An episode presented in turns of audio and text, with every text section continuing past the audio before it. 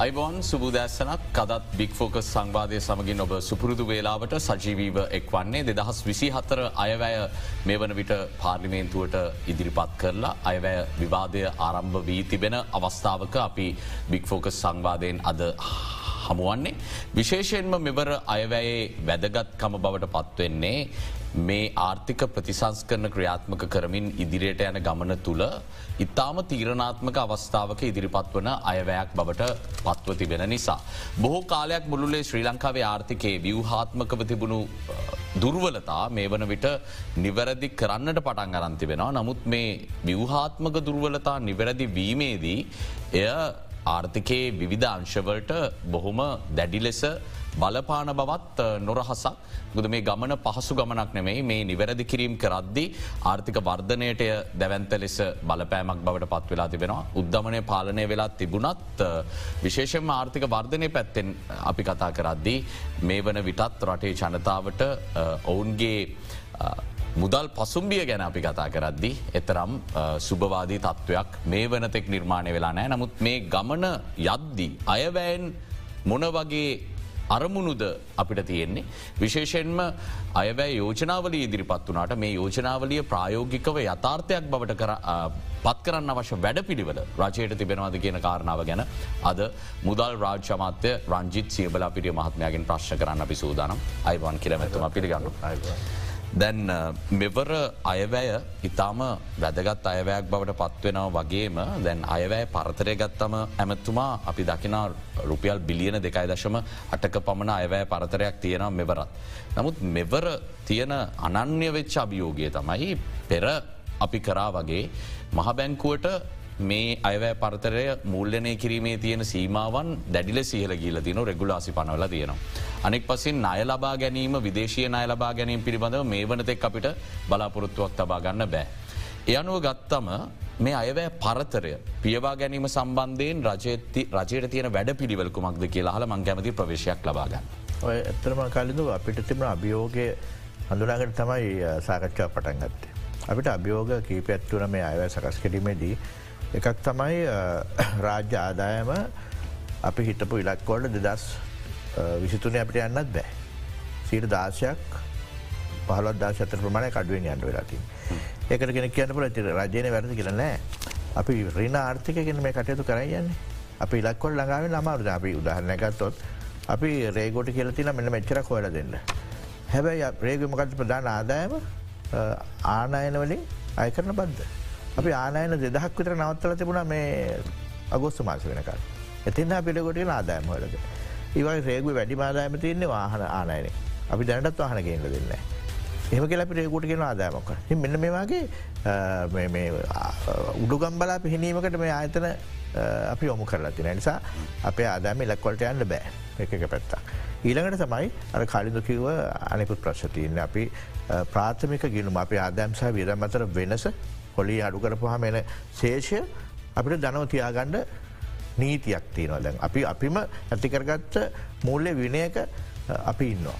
ඒවගේම අයව හිගේ පියවා ගැනීමේදී අපිට ප්‍රශ්යක් තියෙනවා අපි තාමත් දීපාර්ශිකන අය ප්‍රතියෝගත කරමින් හැබැයික අපි ඉසාක්මනින් එම කිය බලාපොරත්තුවත්තිනවා.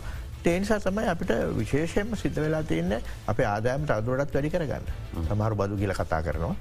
ඉතින් අපි අපි ලෝක අඩුම බදු ආදාමතින් රට බවට පත්ලා තිබුණා දලදේශ නිෂ්පාති සාපය අටයි දසම තුනට බැහල තිබුණා. අපි දහනමයක් වියදන් කරන අටයි දසම තුනක් හොයනවා. තිම ඕක නිසා තමයි අපේ අපේ බදු පදනම පුරුල් කර ගැනීම සහ බදු වැඩි කර ගැනීම කළේ. නිසා අපි මේ වර්ෂය තුළ අපේ එක පැත්තකින් අපි යම්යම් බද වැඩි කරලා තියනවා මේ අය වැඩි කරන කිසිම දෙයක් එක පැහදිලු කියන්න වශ ඉට පෙර වැඩි කරපවතින අනිත් පැත්තෙන් අපේ ලොකොම ඉලක්කය බදු පදනම පුළුල් කර ගැනීම. එනිසා තම අපට කාලයක් ඇත අවුරු දහත්ත සෑදීගෙනපු රැමිස් ව්‍යාපතිය. අපි ආරම්භ කරනවා මේ දෙසැම්බර් මාසය අවසාර වෙනකොට. අප විශාසක විශ්වාස කරනවා ඒවාගේ කාරණා තුළින් අපේ බදු පදනම විශාල වශයෙන් පුළුල් කරගන්න පුළුවේ. විශේෂම අයවැයි පනස් සතරවෙනි පිටුවට අවධානය යොමු කරද්දී මේ බදු ගෙවන්නා හඳුනා ගැනීමේ අංකය පිළිබඳව සහ ය අනිවාරය කල තින අවස්ථා පිළිබඳව ඔබතුමා එක සාකච්ඡා කරන්න ප්‍රධානම අරමුණක් කරගන්නවා මං අද. මොකද ඕනෑම බැංකුවක චංගම ගිනුමක් විවෘත කිරීමේදී. ඒවගේම ගොඩනැගලි සැලස්මක් සඳහා නොමැති ඉල්ලා සිටින විට මෝට රතයක් ලියාපදිංචි කරන හෝ බලපත්‍රය අලුත් කරන අවස්ථාවක. ඉඩමක් හෝ ඉඩමක හිමිකම ලියාපදිංචි කරන විටක. අනිවාරෙන්ම මේ ටින් අංකය ලබාදීම අනිවාරය කල්ල තිබෙනවා අයවැෑ යෝජනාවලට අනුව. ඉතාම සාධනී යෝජනාවක් ඔබතුමා කියනවාගේ බදු පදනම පුළුල් කර ගැනීමේ ගමනේ තාම වැදගත් පියවරක්. නමුත් ප්‍රශ්නය මේ ටින්නංකය මැනුවලි මේ ෆයිල් එක තිබිලා ඇති වැඩක් වෙන්නේ නැහැ මේක දේශ ආදම් දෙපාර්තමේන්තුවත් එක ලිංක් වෙන්න ඕන මෙච්චර කල්තිබ ප්‍රශ්නය කොයිතරම් යෝජනා ඉදිරිපත් වනත් ප්‍රායෝගිකව තාක්ෂණය පැත්තෙන් ඒ අවශ්‍ය කරන ජාලගත කිරීම සිදුවෙලා තිබුණේ නැහැ. ද මේකත් වචන ටිකක් විතරද. නෑ එකතමකිවේ අපි රැමිස් 2.0 කෙන ව්‍යාපෘතිය. අපි දෙදස් දහතුනේ රැමිස් එක යෝජනා වෙලා මේ අවුදු දහයක් ගිහිල අපට වෙන්න එක හේතුවත්තමයි අපි දෙවතාවක් තුන්වතාවක් අප බදුනීති වෙනස් කලා බදුනීති වෙනස් කනට සම්පූර්ණ අර්කය දත්ත රැස් කිරීම ක්‍රම වෙනස් වෙන අන්තිම දෙදස් දාහතේ බදුනීති අනු තමයි සකස් වෙලා තිී මේ ආරම්භ කරන මේ ආරම්භ කිරීම කියන්නේ අපි එක සරලවතුවත් විද්‍යුත් තොරතුරු රැස්කර ගැනීමක් තමයි කරන්න බලාපොරොත්තින්. ඒ තුළින් ඔය හැම එකක්ම අපේ දේශ අදම්බදු මුලස්ථානයට සම්බන්ධ වෙන එනිස අපිට ඉතා පහසුවෙන්ද අපි ඔබතුම ආරම්භ කරම කියල කියද්දි දෙසැම්බර් මාසේ. මංගේ තව දුරටත් පැහැදිලි කරගන්න කැමති රැමට ව්‍යාපෘතිය තුළින් ඒ පද්ධති ක්‍රියාත්මකවීම අකුරටම ක්‍රියාත්මකවීම ඇරඹෙනවද? අරමෙනවා දැනටමත් යම්යම් ආකාරවලින් ඔවුන් මේක ක්‍රියාත්ම කරගෙන යනවා. අපි බලාපොරොත්තු වෙනවා. අපිට දීලා තින දින අනුව දෙසැම්බර් මාසි වෙද්දි මේවා හැම අපිට අපේ බදු ගවන්නන් සම්බන්ධව අරුතයෙන් එකතුවෙන්ලන් සම්බන්ධව පූර්ණ දත්ත එක්ටස් කර ගැනීමක් ඒතුළින් අපිට කරන්න පුළුවන් කියලා. මොකද හේතුවද අපි උත්සා අපේ යෝජනාවක් තියෙනවා අවුදහට වැඩි හම කෙනම ලිපිගොනුවත් දෙනවා කියලා. ඒකත් නරක නෑකින් අදහස්සෙන් නෑම හැම කෙනම බදු දැලෙහිර කරන්න යනවා කියලා. ඔහුගේ ඔහු පදිචි වෙන ලියාප අප හොගෙන තේරුම් ගන්න අපි දත්ත ගැන කතා කරද්දි ඇමතිතුමා අවුරුද් දහටට වැඩි ලංකාවේ ජනගහනය කොපම ඉන්නවාද.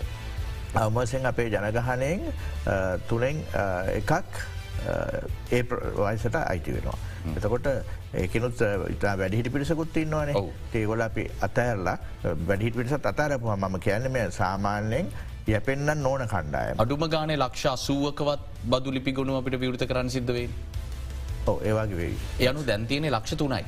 දේශයාදම් දෙපාර්තමේන්තු තව ලක්ෂ හැත්තහතක පමණ බදුලිපිගුණු විවෘත කර ගැනීමේදී පි අතාර්ථවාදිව කතා කරදි දේශය ආදෑම් දෙපාර්තමේන්තු සූදානම්ද? එහි කාර්යක්ෂමතාව ඇතිද.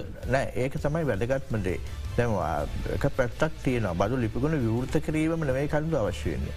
ඒ ලිපිගොනුවෙන් අයකර ගැනීමක් කර ගැනීම අතාර්ථවාද ඒක තමයි බුද්ධමගව ප්‍රශ්න. නිසා තමයි මේ හැමට ලිපිගොනුවක් විවෘත කිරීම කියන එක මෙකොර මොහාමනත් අපිට ග්‍රමසේවා කාරයල් මටම කරන්න තිබන අපි එකත් නොහ ක්‍රමාණුකුලද අපි පහු අවුරුදු මුලින් හඳුල්ල දුන්න අපි හඳුනාගත් මේ සමාජ පන්තීන් දාහතරකට අපි මේක මුලින් මේකට සම්බන්ධ කරගන්නවා. වෛද්‍යවරු නීතිච්ඥවරු.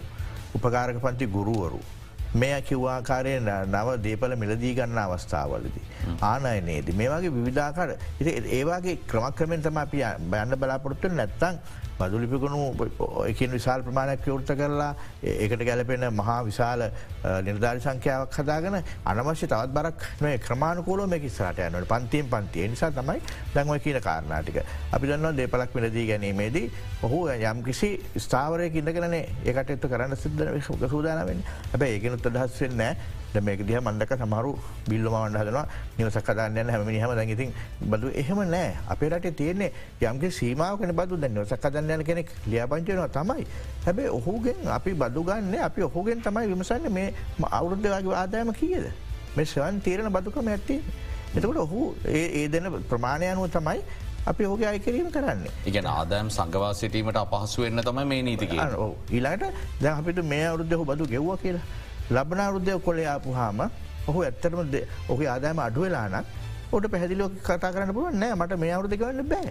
ඒක හැබැයි හරියට පෙන්ලා දෙන්නඩෝන් අර පොද් සෙද් දෙක දෙක තියාගෙන යන ක්‍රමේ මේරට මුදවන්න ඕන අප. එතකොට ඒක අවසාන ඉලක්කේ තමයි අර ගෙවන කෙනාම තෙරපන්නතුව කටයුතු කිරීම. අනිත් එක තාමත් සියට තියකට අඩුවනි අප රටේ රිඩුබදු ප්‍රමාණය. ඒ නිසානය අපි මේ වැඩ්බදු වැඩි කරලා අනිකුත් මේ වක්ක බදු වැඩි කරලා මේ සාමාන්‍ය හැම කෙනා මතම බදුපට පටීමේ තත්ත්වයක් උදා වෙලා තියෙන් ඉති ක්‍රමාණුකූලව අඩුගානය අපේ ඉලක්කේ තියෙන්නේ මේ බමුණු බදු වියහෙන් සියට හතලිහක් අඩුම ගානේ ්‍රීජු බද බවට පත් කරන්න.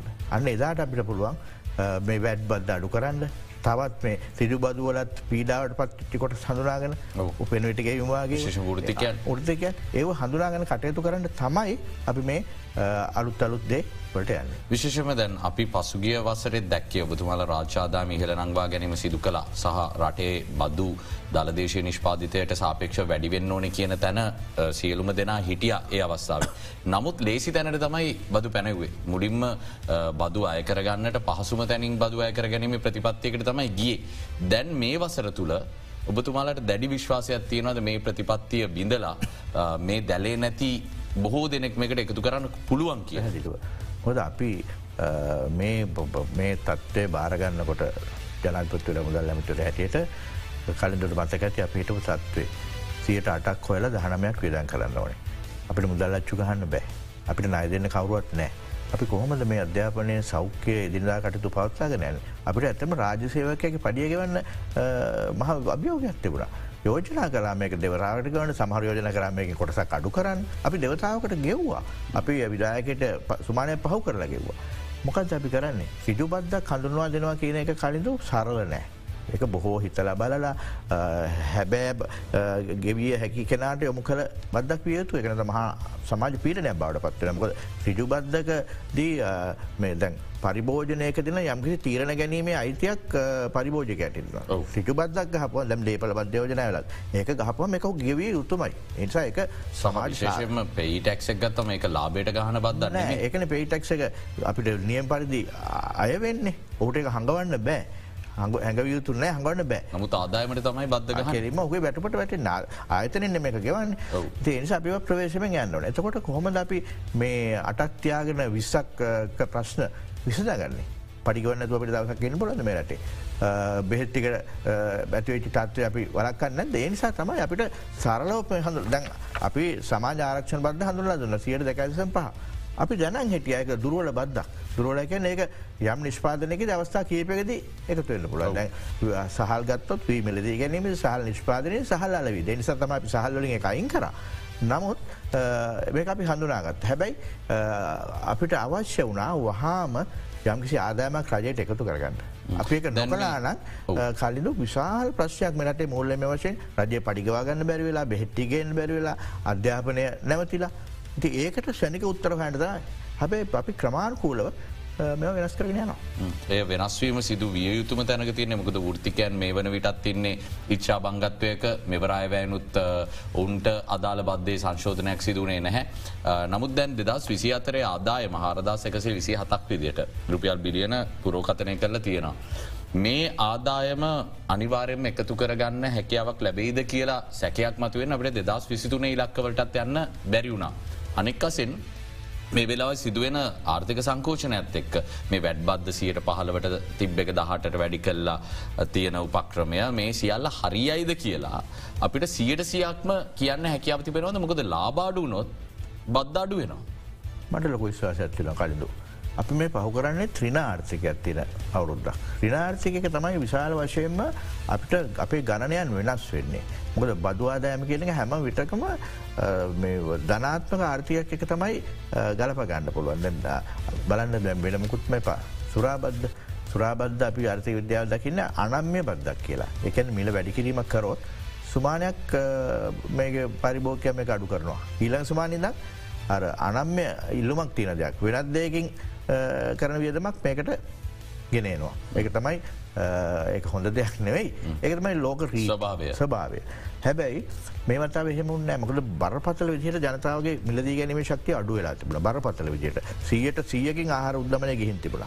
එනිසා හුට තෝරගන්න වෙලා තිබුණ දරුවගේ ආහාර පත නැතිවල් තැන්ට ආපු ප්‍රශ්නදී තමන්ගේ අවශ්‍යතා කොතරම්ම බැහුණත් පියෙක් එකට යන්නේ නෑ.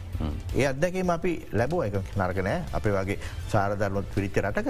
ඉතින් ඒවාගේ අලුත් අත්දැකීම ගැනේ සුරාබදු නැක්වා ඊට සාපේක්ෂව ආදාය වැඩිවෙන නෑ.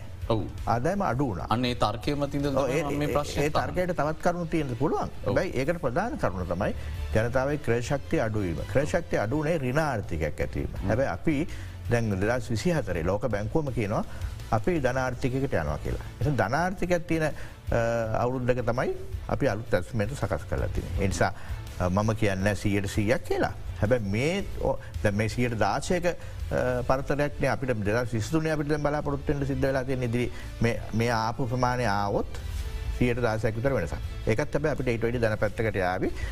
පලවෙනි කාර්තු දෙවනි කාර්තු ති බික්ටරන්න තත්වනේ අපි මේ අවසාන කාර්තු වෙනකොට යම්කිසි තුරනාත්මක තැන ඇවිල්ලන්න හැබ අපි බලාපොරොත්වන ද විසිහතර වර්ෂය.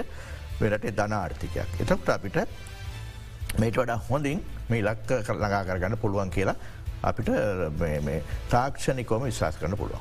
ඒ අනුව සියට නමයක පමණ වෙනසක් දෙදස් විසි අතරේ අයවැෑ පරතරය විදිට තිය කියලද ඔබ හිතන්නේ. ඒ අපි ගණනයකරු පරතරය සීට නමයකට ආසන ප්‍රමාණයක පරතරයක් තමයි අපි විශේෂයෙන්ම මූල්ලනය කරක නය වශයෙන් හවා ගන්න වෙන්නේ ඒ බදවාදායමට අමතර ප්‍රමාණය තමයි අය පරතරය කියලග. විශේෂම ආර්ථික වර්ධනයක් ගැන ඇමත්තුම ඔබතුම කතා කරද්දී මොනවද මේ වන විට අයවැයින් ආර්ථික වර්ධනයකට ලබාදීල තියෙන උත්තේජනමක අපි ගත්තම් ප්‍රාග්ධන වියදම් ඉතාම සරලව කියන සොච්චමයි වියදන් කලදී බැහැ වියදන් කරන්නේ පැහැදිලි. නමුත් පෞද්ගලිකාංශය ආයෝජනය හරහා හෝ විශේෂෙන් බහු ජාතික ආයෝජන හරහා හෝ රටේ යම්කිසි ආකාරයක ආර්ථික වර්ධනයක් ඇති කරන්න අයවැන් ප්‍රධාන කාරණ දෙකක් ගන්න. අපි දැන් මේ අවුරුද්ධ මුලත් අපිට පොහොර ප්‍රශ්න ලොකුවට තිබල. අපරට ප්‍රධාන දැත්තම කෘෂිකාරමික නිෂ්පාදන. අපි බලාපොරොත්තු වන ලබන වර්ෂය ඉතාම හොඳ යතත්වකරම පත්වය කියලා. අනිත් වැදගත්මද ඉදිකිරීම් කර්මාන්තය. ඉදිකිරීම් කර්මාන්තය අපිට අපේ ආර්ථික වර්ධනයට දැවන්ත බලපෑම කර අනිවාරය.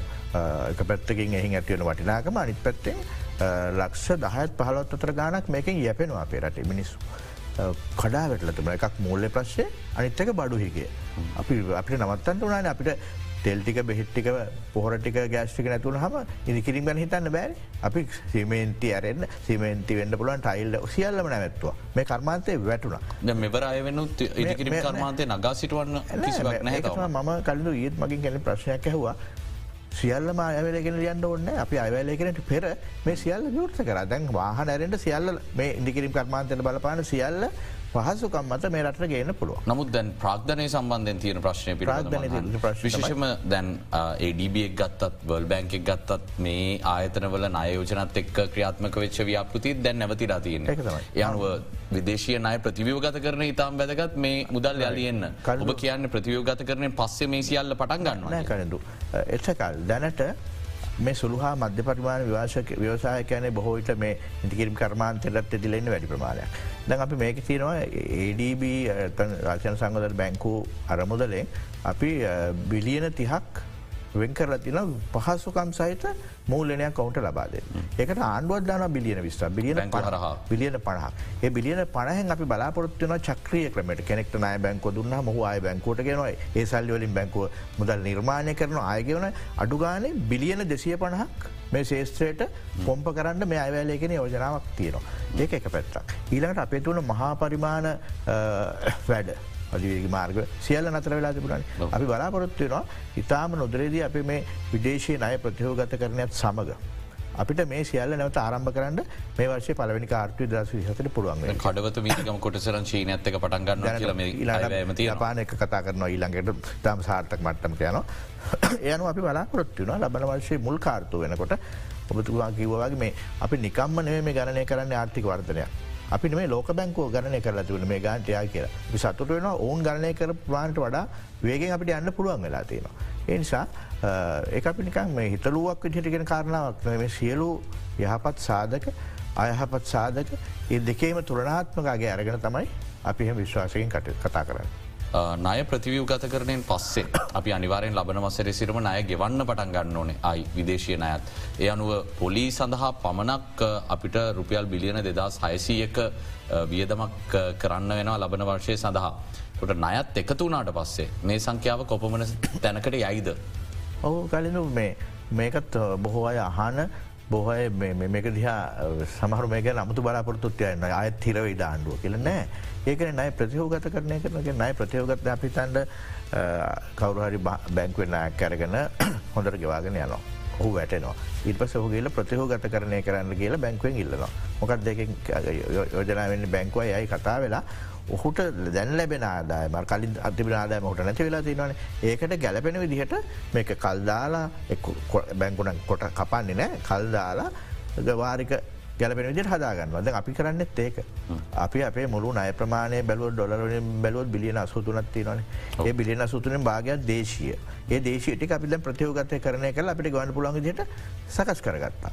ඉලාට විදේශය නැවැල්නොත් බහුපාර්ශක නය ඒඩබ වඩ පුළුවන් අයම ෆෙන්ඩ පුලුව ඒ ඔක්කු අපි ගවාගෙන දැන් කලිදු අපිට කතා කරන වෙලා තියෙන්නේ දී පාර්ශකනය දීපාර්ශය නවලත් කොටස් දෙකක් තියෙන එකක් තමයි රටවල් අතර අනිතක පෞද්ගලිකව ස්වයිරි බැඳුම් කරරි බැඳුම් කර. අපි ඒකින් ඉස්සලා මේ දැන් කටයුතු කරගෙන යන්නේ රටවල් අතර තියෙන. ඉතින් මේ හැමකින් දම්ම මේ විදේශ නයවලින් අපි උත්සා කරන්නේ බිලියන දාහතක් කල්දාගණ්ඩ කපා අරන්න ඊළඟට ගෙවන කාලසිමාව ආරම්භ කිරීම ප්‍රමාද කරන්න ඒ ඔක්කෝම ගණනය කරලා තියන්නේ අපේ රටේ විද්වතුන් අයමක විද්වතුන් සියලු දෙෙන එකතු වෙලා අපිට අනාගතයේ අපිට අන්න පුළුවන් බරක් නැතුව අන්න පුළුවන් පොලිගෙවීම සහ වාරික ගෙවීමට ගැලපෙන පරිදි. එනිසා මම විශ්වාස කරන්නේ මේ අපි මේ වර්ෂය තුළ ආපු අත්දැකි මුත්තක බලපුහම අපිට මේ කාරණාවටත් මූුණ දෙන්න පුළුවන්. ජාත්‍යන්තර මූල්‍ය අරමුදරෙන් අපිට තවත් මිලියන හත්සියක පමණ මුදලක් ලබන වසරේදී තන්න බුලන් කොටස් දෙකක් ලැබුණොත්. ඊට අමතරව අපිට මොනාද නය විදියට මේ වන විට සහතිකයක් තියෙන් අපිට එනවා කියල ලබන අවුරුද්ධ. ඕට පැහැදිලිවම අපිට ලෝක බැංකුව. ආශයනු සංවර්ධන බැංකුව මේ බැංකු දෙකෙන් ඒවාගේ දෙගුණකට තැඩි ප්‍රමාණයක් විධ ව්‍යාපති හරහා අපිට ලැබීමට නියමිට දැනටත් අපිට මේ කාරසිමාව තොන් ලබා දුන්න. තිදමං එකක් කිව්වය සුළහ මධ්‍ය පරිමාණ කර්මාන්ත කරුවක් රච. ඉතින් ඒ හැම එකක්ම ඔවුන් හඳුනාගෙන තියෙනවා ඔවුන්ට තේරුම් අරන්තින අපි යම්කිසි මාවතකට වැටිලා තියෙනවා. අපි මුල්ල විනය පවත්තාගන්නට උත්සාහ කරනවා. ඉතින් ඒවාගේ අපිට එතින්දි වැදගත් වන දේ තමයි අයිF දෙවනි වාරිකය අයිF දෙවනි වාරිකය ලැබීම තමයි අපිට මේ ගමනදී ලබාගතයුතු හොඳම සාහතිකය මම දකිනවා. ඒ ඒ ලබ ඒ තත්ත්වත් එක්ක මේකෙන අනිත් සියලු ආයතනවල අපිට සාකච්ඡා කල තින මුදල් අපිට ලබාගන්න පුළුව. යනු මේ දෙවන වාරිකය ප්‍රමාදවමින් තියන්නේ නාය ප්‍රතිවෝ ගත කරනයට අදාළ කාරණාවක් නිසාද මේ වන විට. කරුණු කිහිපයක් තියෙනවා කරුණු කිහිපේම මේ වෙනකොට බොහෝදුරට ශාක්ෂාත් කරන දෙන ම දකි ඒක නාරකදයක් නෙවේ කරු දැන් අපිට සමහරු කියන්න පටන්ගත්තනේ අපි අයම එකේ පදේට නැත්නවා කියලා. ඇත්තට මෙහෙම දෙයක් නෑ. අපි ඔවුන් අපගේ මුල්ල උපදේශක වෙලා තිරද අපි ඔවුන්ගේ සාමාචිකයෝ. එනිසා මේ වැටනු වලෙන් ගොඩ එන්න ඔවුන් අපිට උපදෙස් දෙනවා උපදෙස් සමහරවිට අමාරුයි බරයි. අපේ සමාජයට හුරුදු නෑ හැබ අපිට කරන්න වෙලා තියෙනවා. ඉතින් අපි ක්‍රමක්‍රමයෙන් ඔවුන් සමඟ නිතර සාකච්ඡා කරමින් වාද කරමින් ඔවුන සමහර කරන එහම කරන බෑගලවුන් කිය අපි කියෙන නැහැම එහෙම විශාල විවාධාත්මක මණ්ඩපයක් තුළ තම මේක ක්‍රියාත්මක ඒකට හොඳම උදාහරණය තමයි මේ පදේට නටනවා කියන එකට.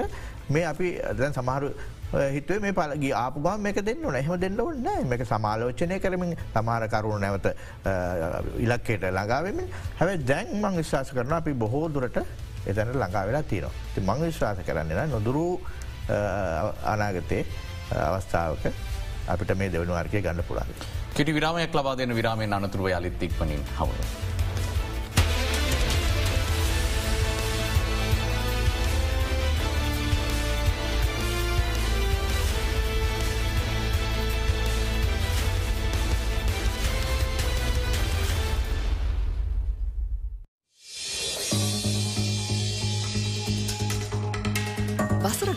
ගණනක ඩැමේජ් වූහිසකෙස් පළමු සේදුමෙන්ම සුමුදු කරයි. ඩාව ඉන්ටෙන්ස් රිපෑ. ශ්‍රී ලංකාවේ පුළුල්තම සෞඛ්‍ය රක්ෂණාවරණය යුනිියන් නශ්වරන්ස් හිල් 360.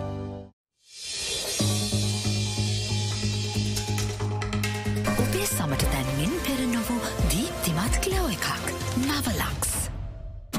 හෝලික් මෝල් බර්සා කියසාරි යාගුණේ මාංශ පේශින් අස්තිත් මනාව පවත්ව ගන්නට කැසිම් විටමින් දීත්තිය තව විටමින් බී සහ දෙකතුව පෝෂක ගොඩ විසි තුනකින් හෝලික්ස්. පහසු මිලට සුපුරුදු පෝෂණය. සභහපතිගේ පුතා කෝ කමිටුවට ආවේ ඇයි. මොන පදනමක් මතද මේ මහචාරතුමාගේ පුතා කෝප්ප ඇවිල වාඩිවෙන්. පිටස්තර කෙනෙකුට ඉඳගන්න ඒක අයිතියක් නෑ. පොහොට්ටුව සහය ස්තිර කරයි. පොඩිපොඩි අඩුපාඩුකන් තිබුණත් යොක්කොම එකට යන ගමනක්. දරුවාගේ මියයාම මැති සබේ අවධානයට. පලාත් අධ්‍යාපන අධ්‍යෂ්ඨමනට පස්සනගෙන් යුත් කමිටුවක් මේ සුදියම් පිළිබඳව පාසල්ල වස් පරීක්ෂා කරමින් සින්න රක්ෂිතයට ඇතුළු වූ දඩයක්කරුට වැඩි. බැස නොගිය ගංවතුර. ක්‍රිකට් ක්‍රීඩාවට ආ බෙකම්. එකිනෙකා මුණගැසුණු සුපිරි බලවතුන්. ඉන්දියාව අවසන් මහා තරගයට. අද දෙරන දහවල් දොළහට. නිරෝෂා පෙරේරා ජපන් නලු ජොන් ඒතෝ. ළමා උෂීන් ලෙස රඟපෑ කොබායාශය අයක්කෝ බිමල් ජයකොඩි කන්දක් සේමා ආදරේ ඇත නොදුටු තැන්වල.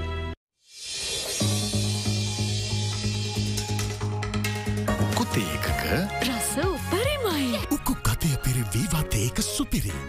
ඔබේ හැකියාව සියුම්ව හඳුනාගෙන උපගන්වා අන්තර්ජාතිකව පිළිගත් අභිමානවත් වෘත්තිකයකුවීම සඳහා ඔබ යොමු කැරෙන. Derana skill force. වෘත්තිය අධ්‍යාපනයෙන් ශ්‍රී ලාංකික තාරුණ්‍යජ බලගන්වා දෙස් විදෙස් රැකයා සහ ව්‍යවසායකත්ව වෙත යොමු කිරීමට දිස්ත්‍රික්ක විසි පහම ආවරණ කරමින් ක්‍රියාත්මක වේ. This program is sponsored by මේ ගැන සිතන්න දෙමාපියන් පණමින් සුවකිමු. Hot and spicy partner. කොත්තුමි පන් තමයි. නිවට්‍රෂන් පාට්න ඇංක ෆැමිලි ප්‍රෝප්ලස් මගේ පවුලි පෝෂණයට මං එකතු කරගන්නවා. ඇංක ෆැමිලි ප්‍රෝප්ලස් සම අනුග්‍රහය ඇලුමෙක්ස් වෙතින් ට්වෙලිං ඇලුමෙක්ස් ට්වෙලිං ගත්තා තිබ්බා හයි කලා.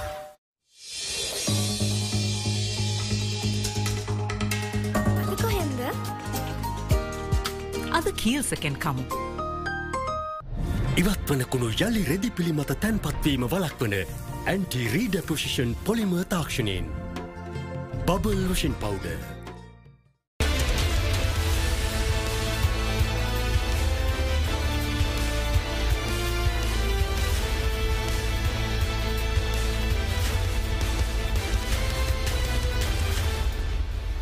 Modal මුදල් රාජ්‍යමාත්‍ය රංජිත් සියබලා පිටිය මහත්මඇත් එක් අපි සාකච්ඡා කරමින් සිටින්නේ අද. ඇමතිතුමා රජයේ සේවකින්ගේ වැටු වැඩිකිරීමට අදාළව විශාල ඉල්ලීමක් තිබුණ රුපියල් විසිදහසක වැඩිකිරීමක් කරන්න කියල තමයි ඉල්ලීම තිබුණේ. මේක දේශපාලනිකයි සමහර වෙලාවට දත්තත් එක්ක බලද්දිය පැහැදිලිව පේනවා. නමුත් ප්‍රශ්්‍ය කියන්නේ රාජසයවකින් අනිත් පැත්තෙන් අනිවාරයම විශාල ප්‍රශ්නකින්න දෙදස් පහරවෙන් පස්සේ වැටු වැඩිවීමක් වෙලා තිබුණ නෑ නමුත් දැන් මේ අයවැයේ ජීවන වියදම් දීමනා විදියට දස දහසක් කියහල නැංවීම සම්බන්ධයෙන් යළිත් විවේචන තියන මේ ජීවන වියදම් දීමනා විදියට මේක එල්ලුවේ. ඇයි අප්‍රේල් මාසය දන් දෙන්නේ? ඉංග වැටු පිට පස් ඔක්තෝබර් මාසය දන්ද දෙන්නේ? මොකක්ද ඔබ මේ ගැන කියන්න. ඔහු මේ අය ඉදිරිපත් කරපු ජනාධිපතිවරයක වන සමජීවිකතා වැඩ පිළිල ලැබෙන විදිහට කරන්න ඕන. දැන් අප කල්දු මමකව අපි මෝන දිල තියෙන ප්‍රශ්න. අපිට මුදල් මුත්‍රණය කරන්න බෑද. අපි ඒ අපිසින් ස්වයම් පාලනයක් ඇතිකරටන මහ පනත අලුතන් ගෙනල් අපිට නය ගැනීමත් සීම වෙලා තියෙන. හැබැ රාජසයක වැටු පැඩි කරන්න ඕනේ. ඒ රාජසේවකයා දහතුන් ලක්ෂයක් ඉන්නවා. ඔවුන්ගේ වැටු පැඩියීම කියන්න එක පැත්තිෙන් සමස්ත සමාජය අනිකුත් පෞද්ගලි ගාතනවලට පවා දෙන පනිවිඩේ ඔොට ජීවත්ව නමාරුව මුකද ස්ටිර වැටපක් ගත්ත කෙනා මේ වගේ දැවන්ත එක පැත්ති උද්දමනයක් ඇතුුණ බැංකු පොලි වැඩි වුණා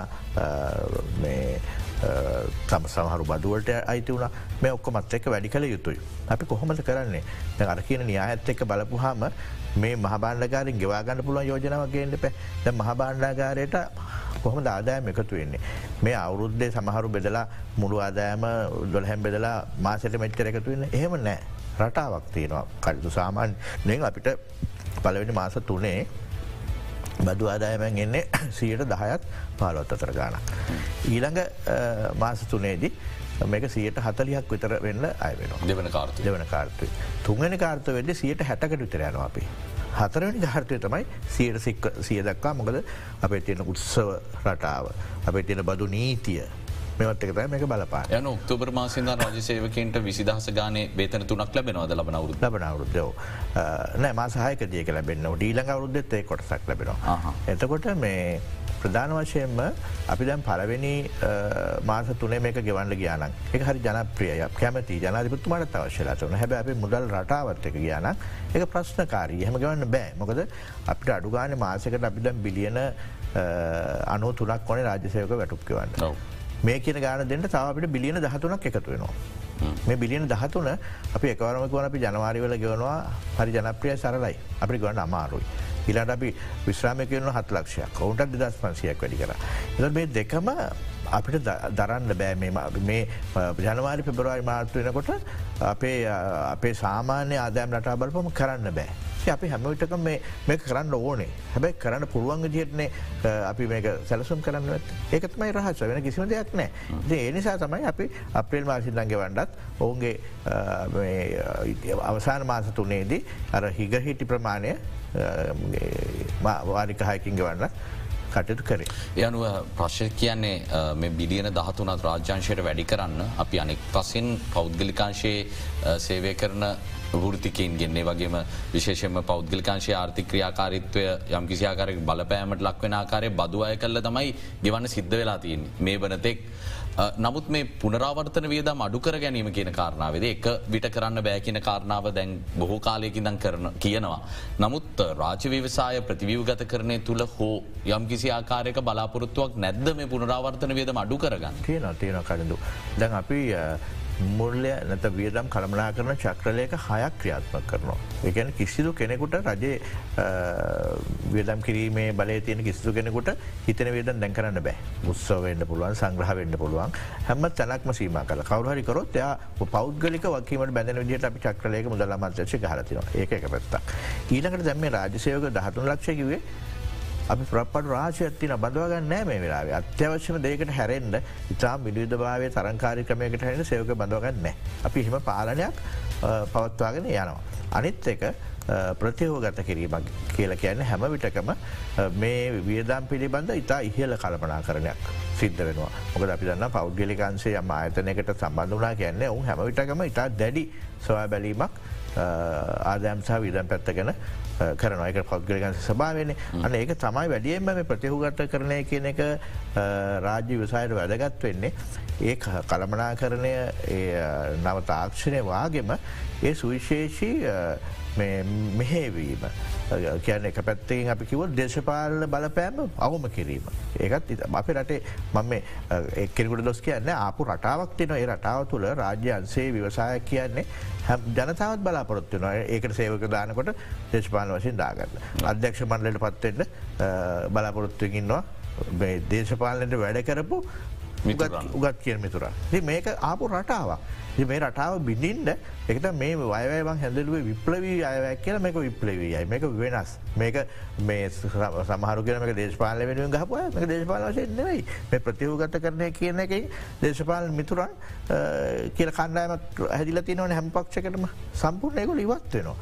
ඉතින් ඒ නිසා තමයි මේක අපි දකින්නේ වර්තමානය සහ අනාගතය වෙනුවෙන් සකස් කරපු වැඩ පිළිවෙලක් මේ වාසි තකාගෙන කරපු වැඩ පිළිලක් නෙවේ. මේ ප්‍රතිවිවගත කරණය කිරීමෙන් අනතුරුව යම් කිසි මුදලක් අපිට ලැබෙන්න්න තියෙනවා කියලා පුරෝකතනය කල තියෙනවා නම් ඒ ආදායමත් මේ අයව ආදායම් පුරෝකතනවට ඇත්වත් කල තියෙනවද මේ ඇත්තෙමන එක අපි දැනට පෙන්නල නෑන එක අපිට අනාගතයේදී ලැබෙන පුළුවන්. නමුත් මේ වෙදදි දැන් ක්‍රමෝපායක වශයෙන් වැදගත් රාජවිවසාය පනස් දෙකක් කඳුනගත්ත විශේෂ මේ අතරින් ප්‍රධානම වශයෙන් ශ්‍රී ලංකන් යාලයින්ස් ඒවගේම පෙට්‍රෝලියම් ඇතුළු ප්‍රධාන වේවසාය ප්‍රතිවියවගත ගත කරණය පිළිබඳව අපි කතා කර නමුත් ශ්‍රී ලංකන් වගේ රාජව්‍යවසායක් සඳහා මේ වනතේ කායෝජකය කෙන බවට හෝ ඉංගියක් පල වෙලා තිබෙනවා දට.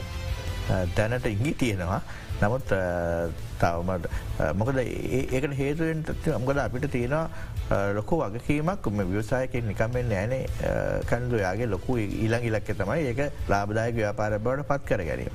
ඒනිසා තමයි මේ අපි බොහෝ මේ අවස්ථාවද අපිට සිද්ධ වෙලා තියෙන්නේ ඒ ආයතන තින ශේෂපත්‍ර තුලනය කරන්න. අපි දැ පහුගේ මාසත් ඒවාගේ අපි තොලනය කිරීමක් ඔය අතනවල කර. එමනතු මේ නය මහා අයතෝකයකුත් එක්ක අපිට නියම වටිනාකමකට මේ ආයතන දෙන්න පුළුවන්ද? බෑ. එනිසා තමයි රජයේ දැන් වගකීමක් කලා තියෙන මේ ආයතන වල ශේෂපත්‍රයේ තියෙන වගකින් ප්‍රමාණය. බොහවෙලාවට දැන් පෙට්‍රෝලියම් එක ගනිත නිතික සංස්ථාව තිබුණේ ප්‍රමාණය අපි මහබාණ්ඩාගරයට පවරගත් පසුගියවැයි ඕ ඒ පවර ගැන තමයි අපි ඊළඟ පියවරට යන්න. හැබැයි නැත්තන් අර නය තොගත් එක් අපි මේක ප්‍රතිහෝගත කරනය කරන්න කියලා ආයෝජකට කතාකරොත් ආයෝජක එන්නෙත් නෑ. ආවත් මේක අපිට දෙන්න වෙන්නේ නොවටිනා විදිහට. මේ වසට තුළ හෝ යම් කිසි ආකාරයක බලාපොරොත්තුවක් තියාගන්න පුළුවන්. ම විශ්වාස කරන මොකද මේ එකක්වත් එකතම මංකයන් මේ ප්‍රතියෝගත්ත කරනය කියන එකට කවරුත් බයවෙලා මේ රාජ්‍ය දේපල තුට්ටු දෙකට දෙන්න යනවා. එහෙම එකක් නෑ. ඒ නිසා තමයි මේ යම්යම් ප්‍රමාදයන් වෙන්නේ. කොහොමද අපි නිශ්චිත මොක අපිට ලොක වගේමත නිශ්චිත වටනාක විනිද භාවතු ලබා ගැනීම. ඊළඟට ආයතන මෙතෙක්වුණු සේවේ දාට වැඩිය ජනතාවට ලවාදීම. අරුත්තාක්ෂණ ඇත්තර. ඊළඟදේ තමයි වැදගත්පදේ මෙන්න සේවක පිටසගේ අයිතිවාසිකම්. අඩු නෝනදිට ඔවුන් ආරක්ෂා කරදීම. ඒවගේම අපේ පැහැදිලි නියාමනයකට මේ ආතන යටත් කිරීම දුබලවන්ලවට පුළුව මොකද මේ රට අත්‍යවශ සේවාවක්. පැහැදිලි පැහැදිලි නියාමනයක් කියන්න පක්ෂග්‍රහහි වෙච්චි වෙනත් නෑපත් තියන නියාමනයක් නෙවෙයි ඒට වඩා හැගේ නමුත් ජනතාවගේ පැත්තේ හොඳ නියාමනයක් මට අවශ්‍යයි මෙන්න මේ කාරණ නිසා තමයි සමහර දෙවල් අපිට ඉලක්වලටම ළඟාවෙන්න බැරිව තියෙන්නේ කල්ගතවෙන් කල්ගතවෙන්. අපි එතනින් ඉදිරියට ඇද මෙවරායවැය යෝජනාවක් තියෙනවා රාජ්‍ය බැංකු දෙකේ. කොටස් සීට විස්සක් ක්‍රමපායක ආයෝජකින්ට හෝ ජනතාවට ලබාදීම සඳහා යෝජනා කරනවා කිය. මේ සම්බන්ධයනුත් තියෙන විවේචනාත්මක තත්ව මේ හදන්නේ රජයේ බැංකු දෙක පෞද්ගලි කරණය කරන්නේ හරහා රජයට මූල්‍ය පද්ධතිය සම්බන්ධයෙන් තියෙන පාලනය කිරීමේ හැකියාව ගිලිහෙන් ඉට තියෙන අනාගතයේදී. මොකක්ද අරමුණ බතුමාලගේ මේ යෝජනා පිට පස. මේ යෝජනායම මේ බැංකු දෙක් ගැන තවත් කොටසත් තියෙනවනේ මේ බැංකු දෙක් ගැන තියෙනවා විශේෂයෙන්ම මේ බිලියන ආර්සය පණහගේ මේක ප්‍රතිමූලනය කරන්න. රජය. කොද ඇත්තර මේ බැංකුලට අමාරුයි. මේවා බොල් අය ප්‍රමාණ සීයට බොල් කැන අය නොවන නයිසීමාව ප්‍රමාණෙන් තිබුණේ අපේ දෙදස් දහට දහනමේද සියට හතරක. සීට විස්සකට රැවිල්ල තින මේ ජනතාව තියන ප්‍රශ්ත් එක් එක මකිව අපි මේ ලෙහන්න කලින්ඳ මේ අපි උත්තරහයන ප්‍රශ්කටත් ප්‍රශ්න පත්‍රකටත් නෙවෙයි. පැටලිචි නූල් බෝල එකට එතකොට මුහද ප්‍රස් බැංකුව ශක්තිමත් කරන්නන වැටෙනද බැංකුට බැංකු ගැන රජය නියම හැඟීමක් තින්න සතමයි මේ අමාරු වෙලා අප අවෑලේකනේ බිලියන් හාරසය පණහක් අපි රජය ප්‍රාග්ධනික රජය හොලදන බැංකෝල්ට මේ රාජ ප්‍රධාන රාජ බැංකු දෙක ශක්තිමත් කර දේශය නය ප්‍රතිගත කරනයේදී අත තිබෙත් නෑ අත තිබෙත් නෑ. සමහරු කෑගැහු අත තියන්න කියලා. අත නොතිබේ බැංකු ඇති තරම් මලාබ වින්ද අවුන්ට නොලබෙන අය ප්‍රමාණය ඔවුගේ පොඩි අඩුවීම රජය විසි ලෝගේ ගත්ත අය ප්‍රමාණය. එනිසා ඊට හයන්න බෑ බැංකුවට තමරු ඇවයි බැංකුවට මන්දක් පාලිමෙන්තුත්ම ඇහවා ඒ අපි නොකරම බැංකොලතින රටක බැංකුවක් අසීරුවට පත්වනා කියන්නේ කලින්ද මුළු සමස්ත ආර්ථක කඩාවටන එක නවත්තන්න බෑකාටවත් ඒතමයි අපි නේ දියුණු රටකට පවා එක ඔරසු දෙන්න නමුත් මේ සියට විස්ස ඇයි පෞද්ගලිකාංශයට ලබා දෙනවා කියන යෝජනා වෙන්න දල සඳහම ගත්ත තීරණ ඇද මේ නැතම් ආරක්ෂම කරන්න පුළුවන්ද? යෝජනාව කියවල බල එකක් මුදල් අවශ්‍යතාව අපිට තියෙන රජය බලාපොරොත්තුව මේක මේ වෙන කාටත්ත කරන්න මේ රටේ ඉන්න බැංකුවම ගණඳුණු කරුවන්ට හෝ සේවකයින්ට මෙස් සියට විස්සක්. හැබ අසුවක් රජය සතුව තියාගන්නවා. මේක පැහැදිලිවම කියල තියෙනවා මේ බැංකු වල මේ කළමනා කරණය සහ කාර්යක්ෂමතාව මුදල් හොයා ගැනීමට අමද තවදුරට වර්ධනය කිරීම පැහැදිලිව තින අධ්‍යක්ෂක මණ්ඩල බඳවා ගැනීම කරෙහි අදට වඩා තදබල වැඩ පිළිවෙලක්. කියවල බලන්ඩ අයවැන ඒ අවශ්‍යය නේද මොකද මෙතෙක්කල් බොහෝ විට වනේ අතීතයේදී හැම විටම අපි දැක්ක සමහර බැංකුවල අධ්‍යක්ෂකරුන්ට ක්‍රියාකාරී අධ්‍යක්ෂකරුන්ට පත්වනේ නම් කියන්න කිසිතු ගැලපීමක් නැති මේ දේශපාලන වශයෙන් උඩටාප මිනිස්සු. කිසිම බැංකු ගැන දැනුමක්වත් ආර්ථිකට බැංකුවක් ගැන සෙල්ලමක් නවෙනි හැබ දැන්නම් දැම්තන්නකට ඇවිල්ල තින දැම් බැංකුව අධ්‍යක්ෂ මල්ලට කෙනෙක් රජය විසින් නම් කර. මහා බැංකුව ට රිජුව ඔහුගේ සුදුසුකම් බලනවා. බලල තමයි පත් කරන්න. හැබැ ඊටත් එහා ගිය විද්වතුන් උත්තිකයන් දැබලන පෞද්ගලික බැංකොලට පත්වීමේදී තාම සුදුස්සන් තමයි එකට සුදුකම් ලබන්නේ. අන්න ඒ තැනට ගැංකු ගෙනියන්නත් මේ අර සයට විස්සේ හවුල්කාරිත්වය තුළින් අපි බලාපොරොත්තු වෙන මහිතන්න ඒව නර්ග දේවල් නෙව ඒ වෙන්න ඕනෑ දේවල්. ඒකෙන් කිසිේත්ම අර සියට අසූ අපි පවත්වා ගන්නත් ඒ සියට අසු ඒ පවත්වා ගැනීම තුළින් මේ බැංකු ආරම්භ කිරීමේදී දැම් ප්‍රධාන බැංකු දෙක වෙනම පනත්දකින් ආරම්භිචි බැංකුරේ මේ ලංකා බැංකුට වෙනම පනතක් තියෙනවා. මහජ ඒ පනත්වලින් ඇතිවුණු අරමුණු ඒ ලෙසම ආරක්ෂා කරගන්නත් රජය බලාපොරොත්තුවෙන. කෙටි විරාමයක් ලබා දෙන්න අලිත් ඉක්මනින්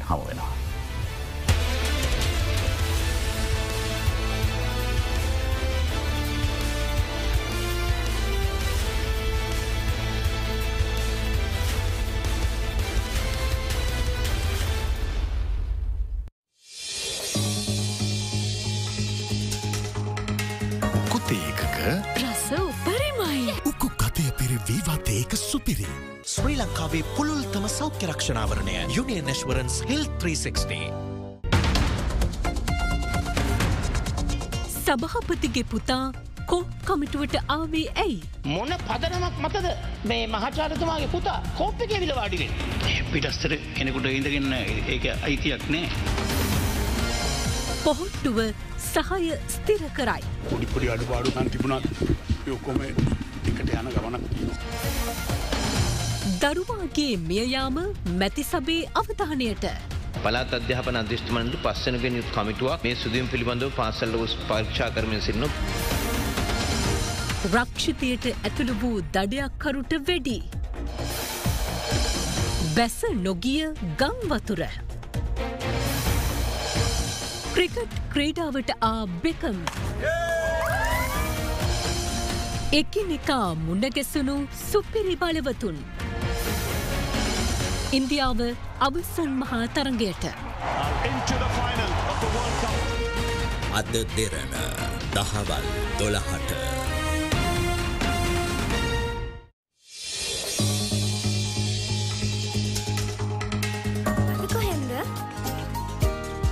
අද කීල්සකෙන් කමු.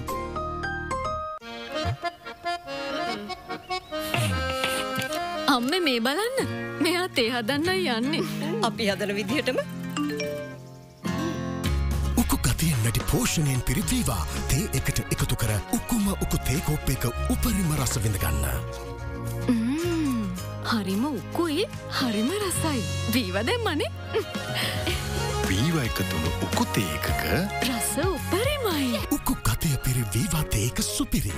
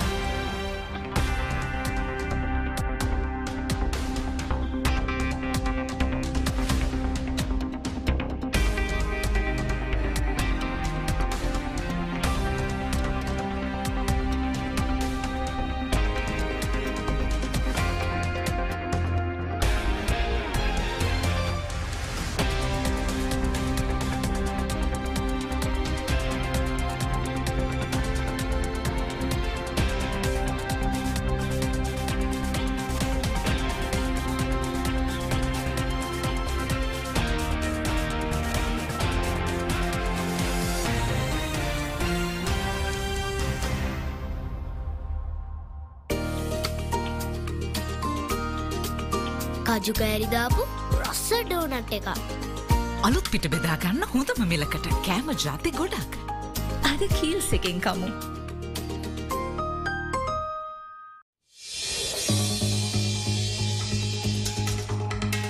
වසර ගණනක ඩැමේජ් වූහිසකෙස් පළමු සේදුමෙන්ම සුමුදු කරයි.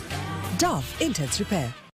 පයෝකලීන් පිරිසිදු කිරීමෙන් පසුව පහසුවෙන් වියෝජනය වී යයි. හිතකර ශුද්‍ර ජීවින්ද ආරක්ෂාවී ස්වභාවික දිරාපත්වීමේ ක්‍රියාවලය අකණ්ඩව සිදුවේ. උතුරා යෑම වලක්වයි. හෙට දන්න අය අදගන්නවා බයෝකලීන්.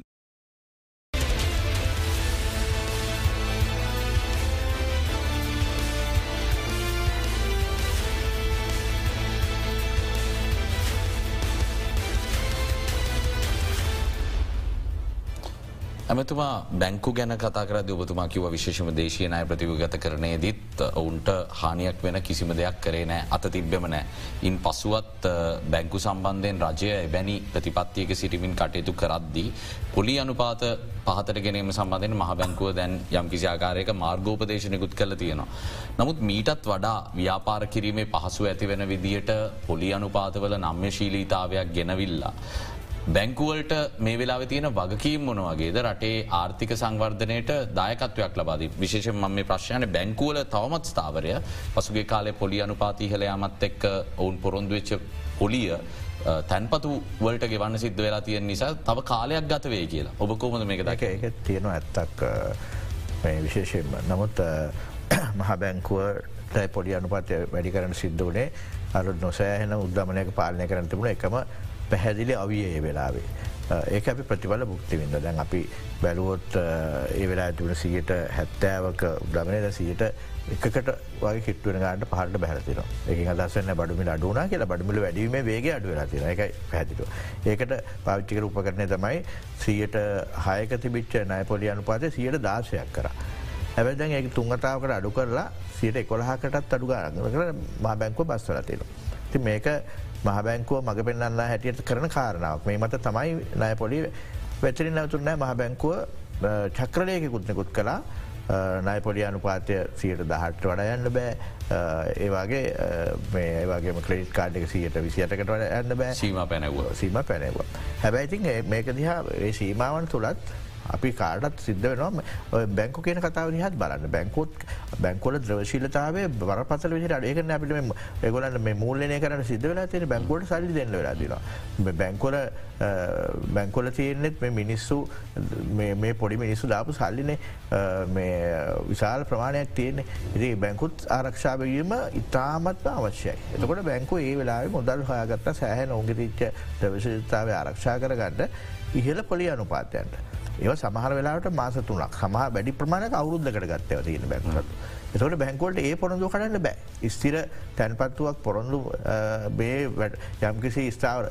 ඒතන බැංකුත් තිර වෙලා තිය යනු තව මාස හතාටකින් මේ ප්‍රශ්නය කියලන්න අනිවාරය සිද්ධ වෙනවා. එනිසා මම විශ්වාස කරන මේ වර්ෂය මාස තුනක්වාගේ ඉදිරිවර්ශය යනකොට අපිට සිබුණු පොලි අනුපාතයන්ට මෙට මිනිසුට බැංකුත්තේ ගරදුර කරන්න පුළුවන් වේවි කියලා. තිම හැම එකක්ම එක මංගවේ ප්‍රශ්යක්වත් ප්‍රශ්න පත්‍රයක්ත්වෙයි ලොකු අර්බූදයක ඉතලා එහාගෙන යනකොට ටින් සෙන්ටර් බෑංකට මඟ පෙන්වීම හැටියට චක්‍රලයකයක් ගැහුවත් ඔහුටත් ඒපිට බලන්න වෙන බැංකු දිහා බැංකු කියන කාරණාවතින් සත්‍යතාවට අපි දැක්ක බැංකු සියට විසි අට තිහට ස්ථාවර තැන්පත්තු බොහෝසෙන් බාරගත්ත ඒ වෙලා තිබුණු දවශීලතාව ආරක්ෂා කරගන්න.